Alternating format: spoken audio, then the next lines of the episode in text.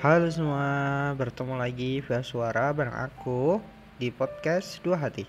Kali ini ada surat dari teman kita, ya surat cinta pastinya. Langsung saja kita bacain cerita cintanya gimana sih. Sebut ini namanya namanya kita samarkan ya, sebut saja namanya Andi. Aku termasuk wah Andi ini termasuk siswa yang cerdas, penuh semangat, dan aktif dalam berbagai kegiatan sekolah. Salah satu organisasinya yang paling penting bagiku adalah OSIS. Kita OSIS. Melalui OSIS, Andi berharap bisa apa ya?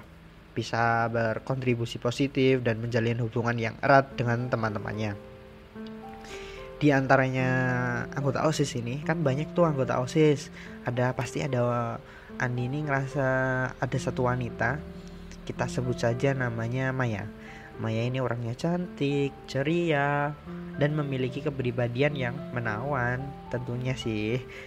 Nah, Andi ini ceritanya tertarik tuh sama Maya sejak pertama kali bertemu saat pertemuan OSIS. Maya pun Maya itu sebenarnya orangnya juga aktif dan karena cantik pasti jadi pusat perhatian dong teman-teman yang lain. Nah, Kemudian aku dan Maya ini sering bekerja sama dalam berbagai proyek OSIS. Kami menjadi semakin akrab, saling mengenal satu sama lain dan dan puncaknya tuh aku mulai merasakan perasaan khusus terhadap Maya. Kayak ada benih-benih cinta gitu yang tumbuh. Namun aku ragu untuk mengungkapkan perasaanku karena takut kehilangan persahabatan Ciela yang telah kami bangun selama ini. Namun suatu hari di sebuah acara sekolah, aku melihat ya Adi ini melihat Maya nih sama orang lain atau siswa lain. Sebut saja siapa ya namanya? Dito. Gitu. Mereka terlihat sangat akrab tuh dan aku agak merasa cemburu melihat mereka bersama. Rasanya seperti ada sesuatu yang ya tak beres lah di hatiku. Asik patah hati nih cemburu cemburu gitu. Aku berusaha menyingkirkan perasaan cemburuku tetapi rasa itu semakin kuat setiap kali aku melihat Maya dan Dito bersama. Aku mencoba mencari tahu apa sih hubungan mereka sebenarnya. Ternyata mereka telah menjadi sangat dekat jadi apa ya dekatlah dalam waktu yang singkat. Nah tepat pada suatu hari aku memutuskan nih Andi memutuskan untuk menghadap Maya. Cie, menghadap Maya dan mengungkapkan perasaannya.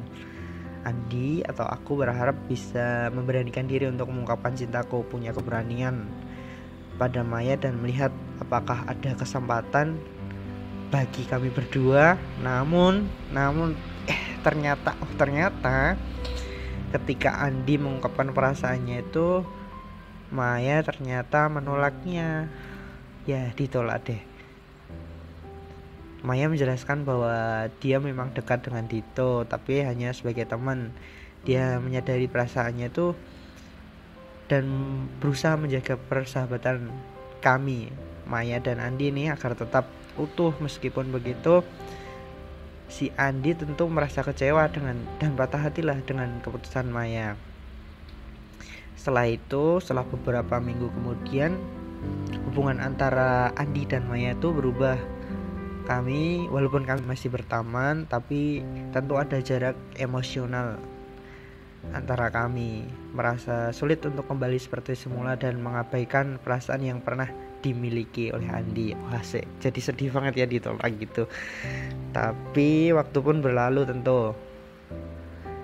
Nah kemudian karena patah hati jadi mulai fokus ke studi atau kegiatan lain di sekolah. Meskipun patah hati, Andi terus berusaha menjalin persahabatan yang baik dengan Maya. Menghargai keputusannya dong Gak mungkin terus kita benci gitu. Sedikit demi sedikit luka hati ini pasti akan pulih juga. Nah gimana teman-teman dari kisah Andi, Maya dan Dito ini di sekolah, di organisasi pasti kita sering ketemu yang namanya patah hati, pasik, patah hati. Jangan jangan kita berkecil berkecil hati terus berpikir mau ke jalan yang lain lah, mengakhiri hidup lah, jangan seperti itu. Yang namanya cinta itu pasti ada suka dan dukanya. Dukanya ditolak, sukanya diterima. Tapi menurutku dari cerita tersebut bahwa semuanya itu harus dapat mengambil pembelajaran mengenai tentang cinta, persahabatan dan patah hati dan belajar bahwa terkadang perasaan cinta tidak selalu berjalan sesuai harapan dan terkadang seseorang yang kita cintai mungkin tidak memiliki perasaan yang sama dengan kita gitu. Jadi apa yang bisa kita simpulkan dari kisah si Andi yang cintanya ditolak oleh Maya?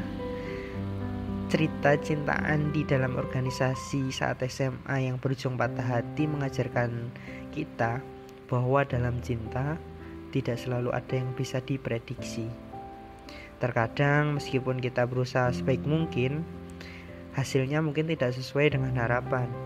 Namun Melalui pengalaman tersebut kita dapat belajar dan tumbuh menjadi pribadi yang lebih baik dan siap menghadapi masa depan dengan hati yang lebih kuat. Gitu teman-teman, mungkin itu kisah malam ini.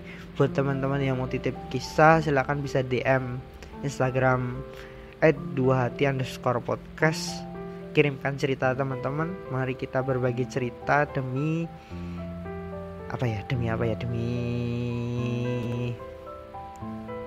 demi apa ya ya pokoknya ceritalah jangan dipendam sendiri nanti takutnya jadi bom waktu. Sekian untuk minggu ini. Sampai jumpa minggu depan di podcast dua hati